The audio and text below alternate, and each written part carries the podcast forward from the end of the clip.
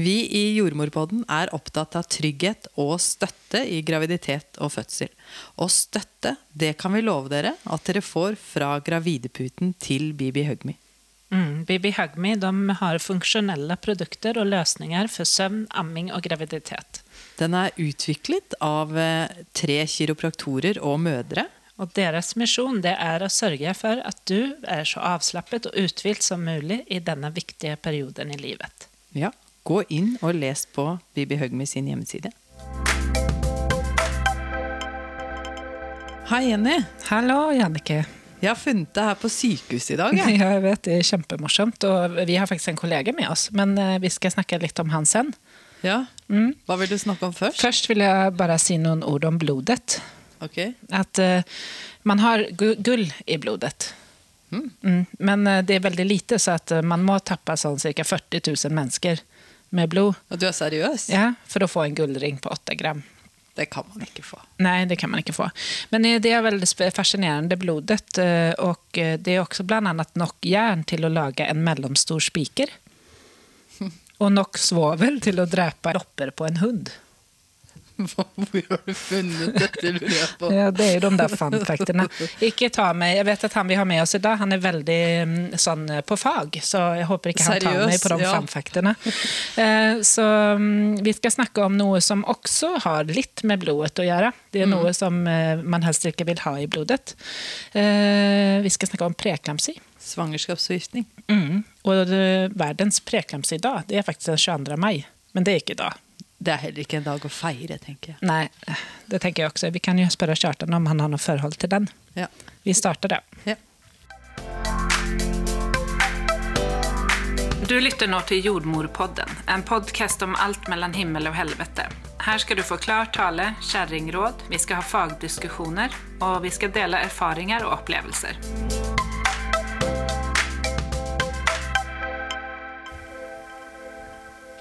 Ok, da sitter vi her på et rom på sykehuset. Og jeg har uh, møtt Jenny, som dere hørte. Og så har vi med oss en overlege. Du kan presentere deg selv, du. Ja, hei. God dag, både Jenny og Jannike. Hei, god dag. Kjartan Moe heter jeg. Jeg er overlege her på Bærum, ja. Mm. Så fint at du vil være med oss i dag, Kjartan. Ja, Og hvorfor vil du være med oss, Kjartan?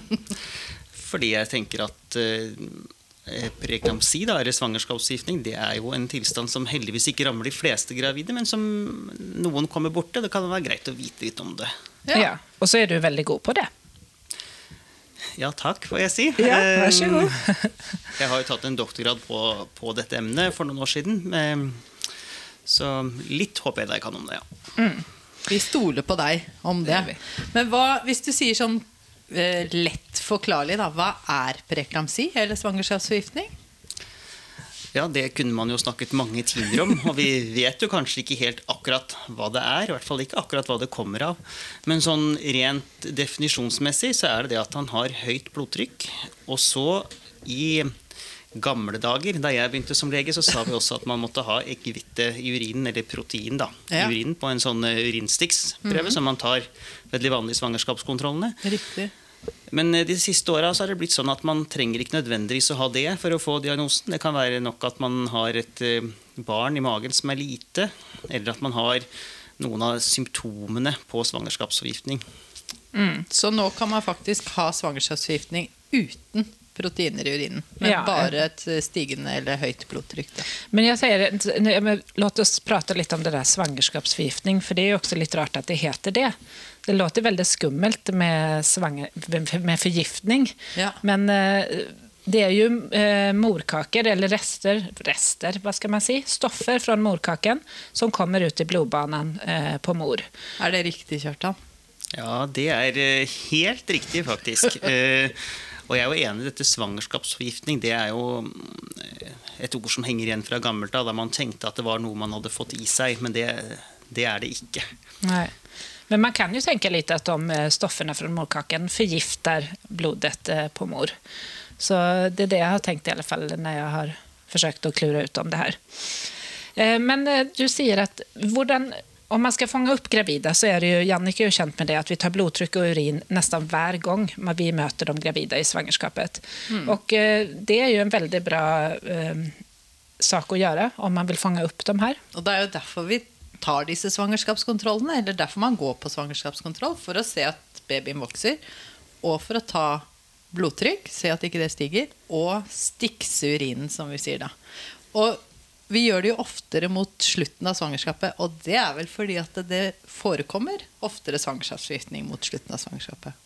Ja, det er jo veldig interessant det dere sier der. Man kan kanskje egentlig tenke seg at hovedgrunnen til at vi hele tatt har svangerskapskontroller, er nettopp det å avdekke stigende blodtrykk hos kvinnen i løpet av svangerskapet. Og det forekommer jo også seinere i svangerskapet, sånn som du sier, Annike. Mm. Da er det jo hyppigere. Mm. Og det er jo noe som mener faktisk at alle kvinner ville egentlig fått preeklamsi. Bare de gikk gravide lenge nok. Men de fleste rekker å føde ah, før preeklamsien kommer. Ja. Mm. Så naturen ordner oftest opp av seg selv.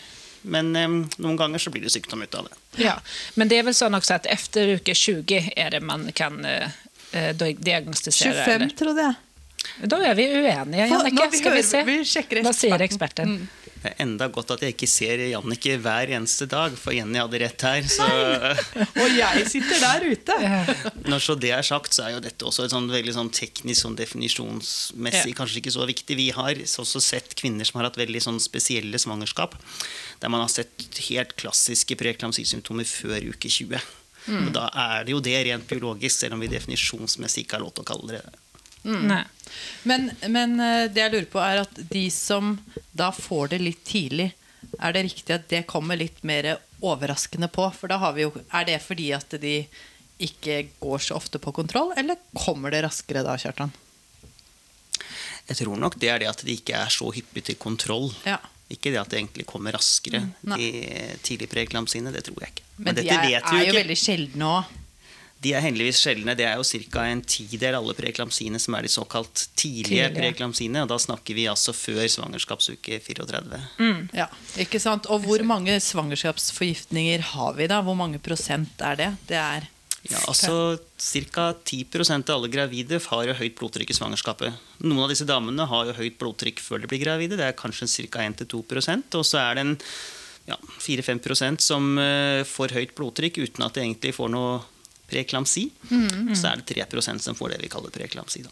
Mm. Ja. Men det, vi, vi, nevnte jo at det er stoffer i blodet fra morkaken. Men skal man kalle det en morkakesykdom? Ja, absolutt. Det skal man kalle en morkakesykdom. Og det Behandlingen av preeklamsi gjenspeiler jo egentlig det. Det er dessverre i dag en eneste behandling for preeklamsi, og det er å forløse morkaka. Mm. Og utfordringa med det er jo at når vi forløser morkaka, så er vi i grunnen nødt til å forløse barnet også. ja.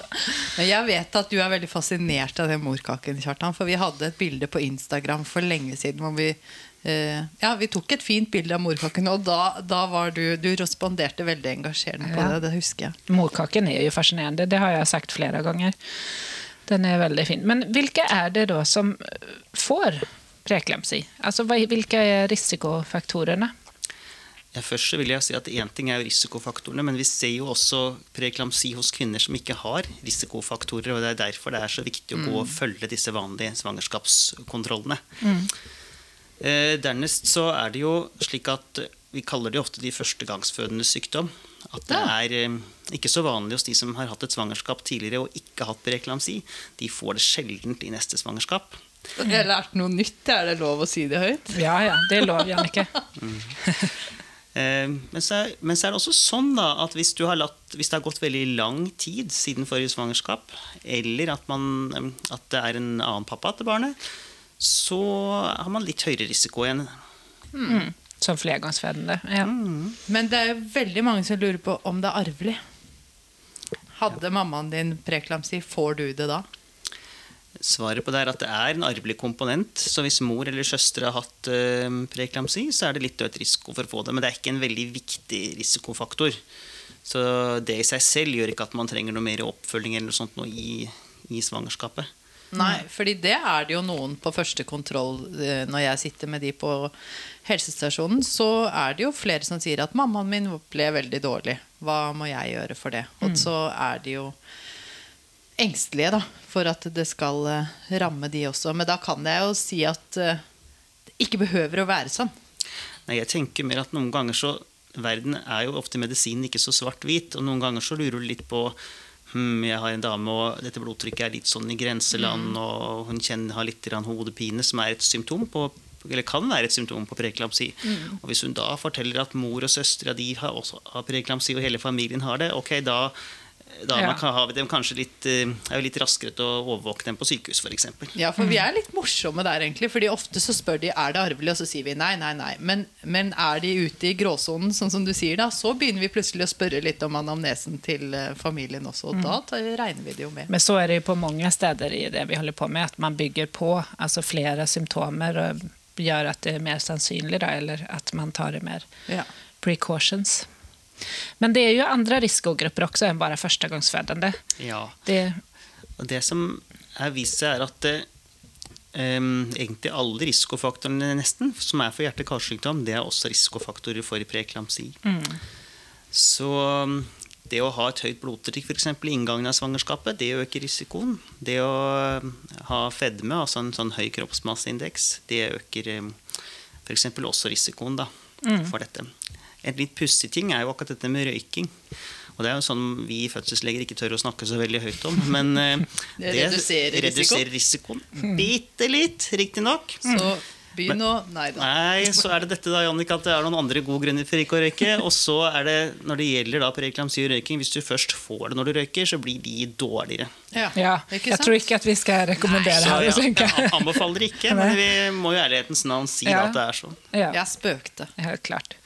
Og så er det jo vi som er litt eh, eldre, da, Jannicke. Det er derfor også vi skal ikke bli gravide. Når man er over 40 år, da har man jo risiko på nesten alt når det gjelder svangerskap og fødsel.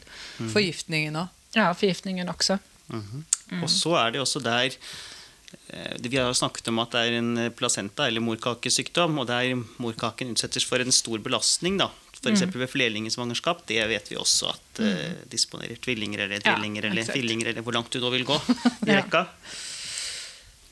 Også et svangerskapsdiabetes.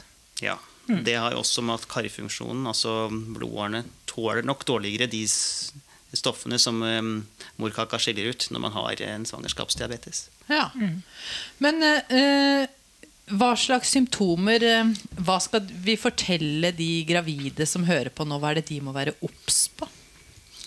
Ja, jeg har sagt det to ganger allerede. Du må gå til kontrollene dine. Mm. Det er det mm. aller, aller viktigste så er jo disse symptomene som vi snakker om på preeklamsi. Og det som er litt utfordrende, er at mange av disse symptomene er jo vanlige plager i befolkningen, og ikke minst hos gravide. Mm. Mm. Så jeg tror mange gravide har hørt om hevelser. Ja. Mm. og du jobber jo ute i kommunehelsetjenesten, Annike, så det er vel mange som spør deg om det å bli litt engstelig når de får hevelser, kanskje? Ja. Det er den under rubrikken ødemer på helsekortet. Ja. Mm. Men uh, jeg har blitt veldig trygg etter mine år som jordmor på å se forskjell på de hevelsene, kan man si det? Fordi de hevelsene som eh, kommer når man får en preklamsi, de kommer jo veldig ofte i ansiktet og rundt øynene. Så det er liksom ikke det samme at de bare er på hender og føtter. Selvfølgelig hvis de kommer sånn plutselig. Men hvis det er sånn Det er jo vanlig å være litt hoven på slutten av et svangerskap. Ja, jeg tenker akkurat som deg at det er de mer utbredte hevelsene og de som kommer veldig raskt på. Mm. Og da, raskt på, da tenker vi kanskje i løpet av uker eller noen dager. Ja. Mm. Det å ha litt hevelser som kommer langsomt, det er helt normalt og er faktisk egentlig vist å ha en gunstigere prognose. De der man har litt hevelse, kontra de som ikke har noen verdens ting. Ja, mm. Uten at de som ikke har noen hevelser, skal ikke gå og være bekymra for det. For da kan det gå i den grøfta òg. Og så er det den hodepinen da, som er et symptom, og den er jo også ganske vrien. fordi vi sitter jo, eller jeg sitter jo ute på kontrollen og sier at du skal passe på at du ikke får pannehodepine, sier vi. Og det er jo en uttalt pannehodepine. Men noen har jo migrene og klarer ikke å skille, skille på disse mm. hodepinene. Da. Nei. Hva skal vi si til de, da? Nei, Jeg vet ikke, men jeg tenker også at om det er flere symptomer, som eh, pannehodepine, og at man føler at man er blitt mer hoven, og hvis man også da har sånn synsforstyrrelser, ja. snakker vi også om. At man ser uh, litt stjerner eller noen felt som forsvinner eller kommer. Eller Blurry vision. Ja. Ikke bare da når man reiser seg fra sofaen. Ikke sant? Mm. Og det at det er nyoppstått, det er ikke det samme som du hadde, har hatt i alle år. Nei. Det er noe nytt. Ja. Det er det. Så, og de der vi, ibland så kan man jo til og med øke litt, hyppig, altså litt mer i vekt på grund av dem. Mm. Ja. Så derfor, hvis man blir lagt inn til observasjon for preeklamsi, så tar vi ofte daglig vekt da, for å se om, den, om det er en veldig rask vektoppgang. Mm. Vi gjør fortsatt det, eller? Ikke like ofte lenger. Du, du, du, du så at vi ble veldig tyste. Ja, dere ble stille og begynte å se andre veier. Liksom. Vi gjorde det før, men vi ser ikke helt med store hensikten med å veie hver eneste dag. Nei. Det, vi ser det ofte på andre ting hvis tilstanden forverrer seg enn akkurat vekta. Ja. Og sen er det jo også noe at eh, har, Man har jo møtt noen som har kommet inn og hatt sånn uro i kroppen uten at man egentlig vet hva det er. Litt sånn sitring og eh, litt uvelfølelse. Man klarer ikke å helt eh, komme til ro i egen kropp. Og Det jo også, kan jo også være et tegn på preeklemsi. Og det at man føler seg uvel. Men jeg må spørre deg, Jenny, har du sett noen som har sånn uro i kroppen? Ja. For det er ganske uttalt, sånn at man lurer ikke på om man er urolig i kroppen. Sier, eller hva, hva, sier du til det, Kjartan? Det er jeg helt uh, enig i. Men så tenker jeg at det er jo en hel del som har det uten å ha noe uro i kroppen også, så dette ja. er ikke så lett. Nei, det er ikke lett. Og det siste symptomet dere ikke har snakka om, er dette her med smerter øverst i magen, som også kan være vanskelig. Mm. Ja.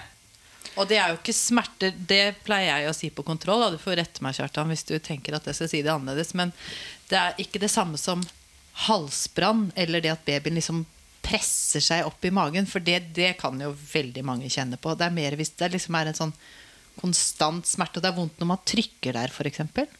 Ja, så jeg pleier ofte å si 'hvordan er det når du legger deg ned'? Ja. For Hvis de bare har smerter når de ligger, da er det nok ikke smerter som har med preeklamsi å gjøre. Da er det vel heller barnet som er der, eller kanskje mer halsbrann, som du er inne på. Ja. Mm. Men hvis det er smerter som også er der når du står, da jeg, vil jeg tenke mer at det, smerter, at det, er smerter som har med en preeklamsi å gjøre. Ja, og nå snakker vi om på toppen av magen.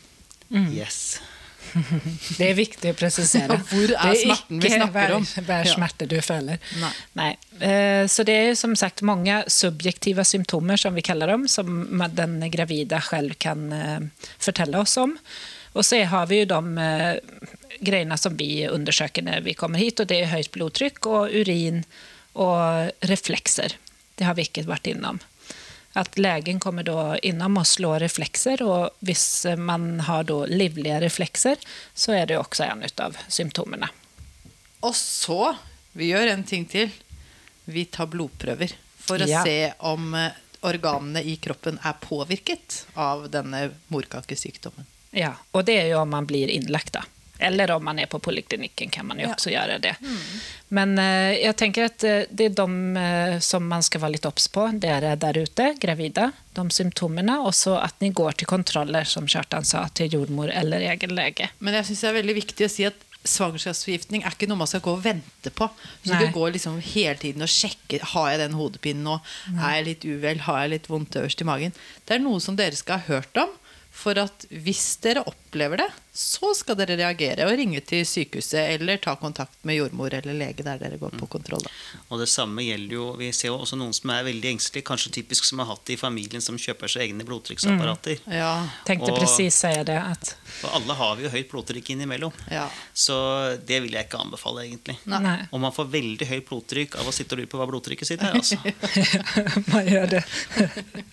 Det ja. fins jo også de som har Vi har mange her inne på eh, kontroll eh, blodtrykk som har noe som heter white coat syndrome. Mm. Det, bare, det, gjelder bare deg, Emmy, for du ser så skummel ut. Ja, nei, jeg ser så hvit ut. nei, men det er jo iblant også ikke så lett å holde blodtrykket nede hvis man er urolig eller man vil, gjerne vil hjem etter en innleggelse. Så vi må vi gjør litt sånn tiltak til at man tar flere blodtrykk i rad da, ja. uten at vi står inne på rommet. Ja. For, for, det er jo et poeng at det skal jo ikke bare være et enkeltstående blodtrykk som er for høyt. Det skal jo liksom være vedvarende høyt blodtrykk for at vi skal sette diagnosen i det hele tatt.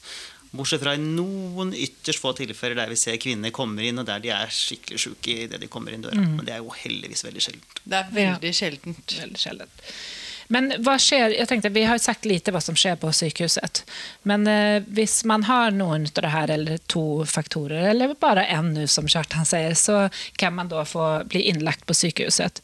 Og da blir det, som vi har snakket om, blodtrykk ganger flere og urin eh, en gang per dag. Og så tar man de her blodprøvene. Hvorfor tar man de blodprøvene, Kjartan? Ja, det var vel som du nevnte litt i stad, eller var det Jannicke som sa det da? Æres ja. den som æres bør. Ja. Um, dette å se etter om organfunksjonen i kroppen er påvirka, det er ofte et seint tegn i preeklamsiutviklinga at vi ser utslag på de prøvene. Så fins det dette som vi snakka med smerter øverst i magen, som kan være assosiert med en helt sånn spesiell variant av preeklamsi som heter HELP-syndrom. Mm. Um, og det HELP-syndromet det avdekker vi ved blodprøver. da. Mm.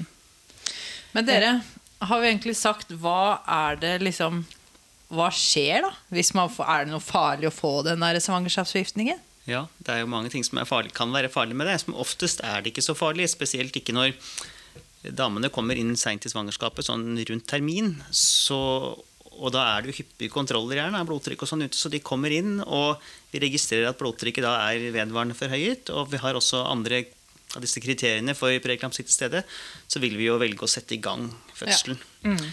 Eh, og så gjør vi det, og da igangsetting det går jo oftest også helt fint, og de føder helt normalt. Og merker egentlig ikke så veldig mye utover det at de har hatt preeklamsi. tenker jeg. Jeg har til og med hørt at eh, de som har preeklamsi, kanskje går i gang fortere. Fordi at kroppen selv også vil ordne opp. Hva tror vi om det?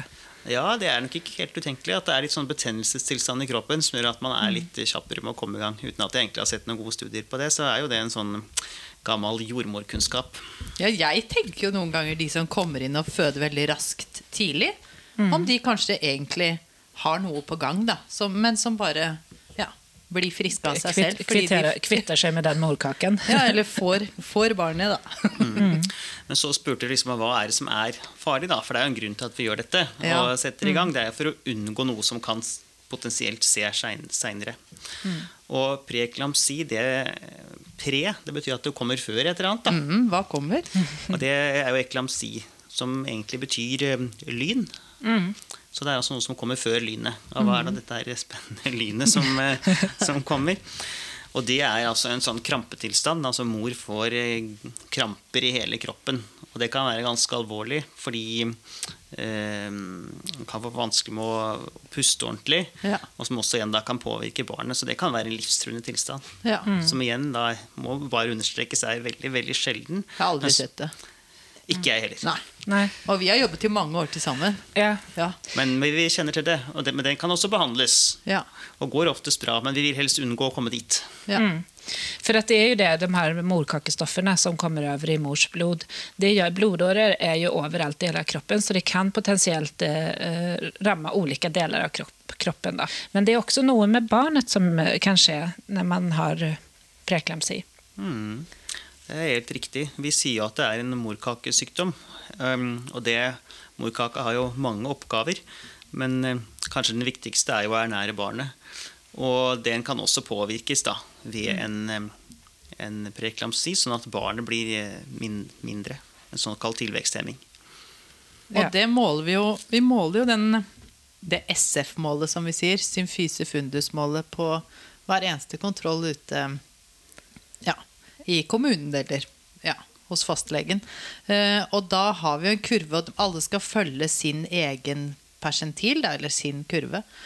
Og hvis den flater av, den kurven, så kommer man jo da på en kontroll på sykehuset hvor man måler, sjekker for svangerskapsforgiftning blant data. Og tar en ultralyd for å se på veksten på barnet. Og hvis man er bekymret, så tar man en ny vekst for å se om barnet vokser tilstrekkelig. Til, ja, tilstrekkelig. Mm. Det gjør vi. Eh, men eh, Kjartan, vi vet jo at du kan veldig mye på preeklamsi, de som har hatt det. Kan det gi noen følgesykdommer senere i livet? Altså det er jo klart Hvis du har hatt en av disse svært alvorlige komplikasjonene som vi var så vidt innom, så det kan jo det gi varig men, men det er jo sjeldent. Og så syns jeg også det er verdt å nevne at eh, det er jo stor forskjell på når i svangerskapet du eventuelt får en preeklamsi. Får du en veldig tidlig svang... Altså, som nevnt, får du en seint i svangerskapet ved termin, så er det jo igangsetting av fødsel som er eh, behandlinga. Mm. Men får du det mer tidlig i svangerskapet, så er det jo ofte en sånn balanse. For det er jo ikke bare bare å hente ut morkake og barn da, når barnet ikke er modent til å komme ut. Nei. Og det er klart, noen ganger så må vi det, fordi mors helse er så i fare. Eller vi ser at barnet ikke har godt av å være der inne. Um, og hvis mors helse er så i fare, så kan det også gå utover barnet. Så da må vi av og til forløse mor veldig tidlig. Ja. Og det er klart, da blir jo barnet prematurt. Mm. Og det kan jo ha konsekvenser for barnet seinere i livet. Vi vet at kvinner som har hatt preeklamsi, de har en økt risiko for å få hjerte-karsykdom seinere i livet. Ja. Og det oftest da, etter man denne preeklamsien så normaliserer blodtrykket seg gjerne i løpet av den tida de er på sykehuset. Og før i verden så sendte vi dem bare hjem, og så var de fleste veldig glade og fornøyde. Ja. Og det håper vi jo de er fortsatt. Ja. men så er det nok sånn at fordi de har en økt risiko, spesielt de som har fått preeklamsi tidlig i svangerskapet, så anbefaler vi nå at de skal følges opp med tanke på hjerte-karsykdom seinere i livet. Mm. Ja. Men eh, får de beskjed om det når de reiser fra barsel? At eh, du må ta kontakt med fastlegen din og følge Altså, kan fastleger dette? Jeg tror praksis har vært varierende. Dette er noe vi har blitt mer og mer oppmerksom på de siste åra. at det er sånn. Eh, og vi jobber i hvert fall her på sykehuset, og jeg tror på mange sykehus egentlig, med å bli bedre på den informasjonsbiten. Bli mer kjent ute, ut hos fastleger og jordmødre også. Mm. Ja, for jeg tenker på barsel, så er det jo altså, Når vi snakker om barsel, så er det jo mange damer som iblant eh, har høyt blodtrykk vedvarende etter fødsel. Så selv om man har preeklamsi og man har fått ut morkaken, så kan det hende at man må måle eh, blodtrykket eh, litt hyppig etter fødsel, og at man til og med trenger litt blodtrykkssenkende medisin. Ja, Vi måler jo noen ganger blodtrykket på barselbesøk for eksempel, ute i kommunen. Og vi kan også ta urinstiks eh, mm. så sent etter at de har født. Men det vi gjør mer, er vel å henvise hit hvis de har en tidligere eh, svangerskaps forgiftning i et mm. tidligere svangerskap. Da. At de må da få medisin for at de kan minske risken for å få det igjen. Mm. Og dette er også ganske splitter nytt, så det skjer da noe på denne preeklamsifronten. Selv om vi ikke har blitt så mye bedre på selve behandlinga av preeklamsien. Der er det fortsatt morkaka som må ut. Mm. Så har vi nå begynt med litt systematisk forebygging. Det er visse kvinner som har økt risiko, som skal behandles med rett og slett uh, Dispril, som det het da jeg var barn. Ja. som vi fikk da vi hadde feber. Det er det slutt på nå. Syns de var så gode, de bruser så deilig i glasset. Jeg kan kjenne den på tunga, jeg. Ja. og mors litt uh, god omsorg i tillegg, så ble det bra, det. Nei. Men de, det man, er det noen risikogrupper som skal ta, da. Um, da er det viktig at man starter tidlig nok i svangerskapet. Ja. Og så er det viktig at man husker å ta det hver eneste dag inntil man får beskjed om at man ikke skal ta det lenger. Ja, og det lurer man noen ganger på. Hvor lenge skal man ta det? Skal man stoppe i uke 36, eller skal man ta det til man føder? Men det varierer kanskje litt? Ja, Det kommer litt an på hva slags dose man får, så der skal man bare høre, tenker jeg, med den legen som skriver det ut, hvor lenge man skal ha det. Ja, det er viktig, det. Du har jeg rett i at det er sånn man får også når man går Jeg gikk i bergen i Nepal. Da måtte jeg også ta noe sånn for å komme hva, opp i høyden. Hva gikk du i? I Nepal. Fjellene. Ja, og gikk i fjellene. Ja. Nei, men det er vel det. Altså, det er vel at blodet flyter enklere i årene. Nei, jeg vet ikke hvorfor tar man det Jeg er ikke noen sånn fjellmedisiner. Jeg vokste opp på Indre Østland. Det er flatt. Ja, flatbygdene. Nei, men hva gjør Disprilen? Hva er det som gjør at Dispril er bra? Ja, det var fint. Da kan du svare på det. Det vet jeg ikke. Nei, vi, det er vel ingen som uh, veit det. Vi vet jo at det virker det er jo en sånn generell sånn hjerte-kar-medisin som det er det det virker på. Vi, vi veit ærlig talt ikke Nei. helt. Vi vet at, uh, vet at, det funker og har veldig god effekt. Um, men akkurat hva som mekanismen er, det vet vi ikke. Det er et veldig Nei. komplisert medikament, og det kan vi sikkert også ha et eget program. Men jeg tviler på om det fikk så fryktelig mange lyttere. Nei, vi lager ikke en på Dispril. Vi behøver ikke ha noe spesialisering på Dispril. Nei. Er det noe du vil si til de gravide der ute, Kjartan, med tanke ja. på svangerskapsforgiftning? Ja, det er gå på kontroll. Ja, det var det jeg holdt på å si. Hvis jeg ikke har sagt det før, ja, så sier jeg det. Følg, følg kontrollopplegget ditt. Ja. Men du trenger ikke masse mer kontroller enn det hvis du er ellers frisk. Men gjør nå det. Ja. Mm. Så bra. Da skal det jo gå veldig bra.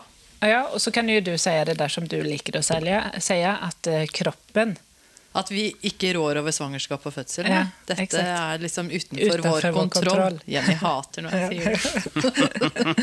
men det er det. Men vi kan jo hjelpe det litt da, på vei. Vi kan passe på det. Mm. Ja, Man kan ha en sunn livsstil. da. Det hjelper jo. Det forebygger jo. Hvis man har det, Men man er ikke garantert allikevel å slippe. Det er det som er så Nei, det er det som jeg skulle komme til der med forebygging, for det er det jo også noen som spør om.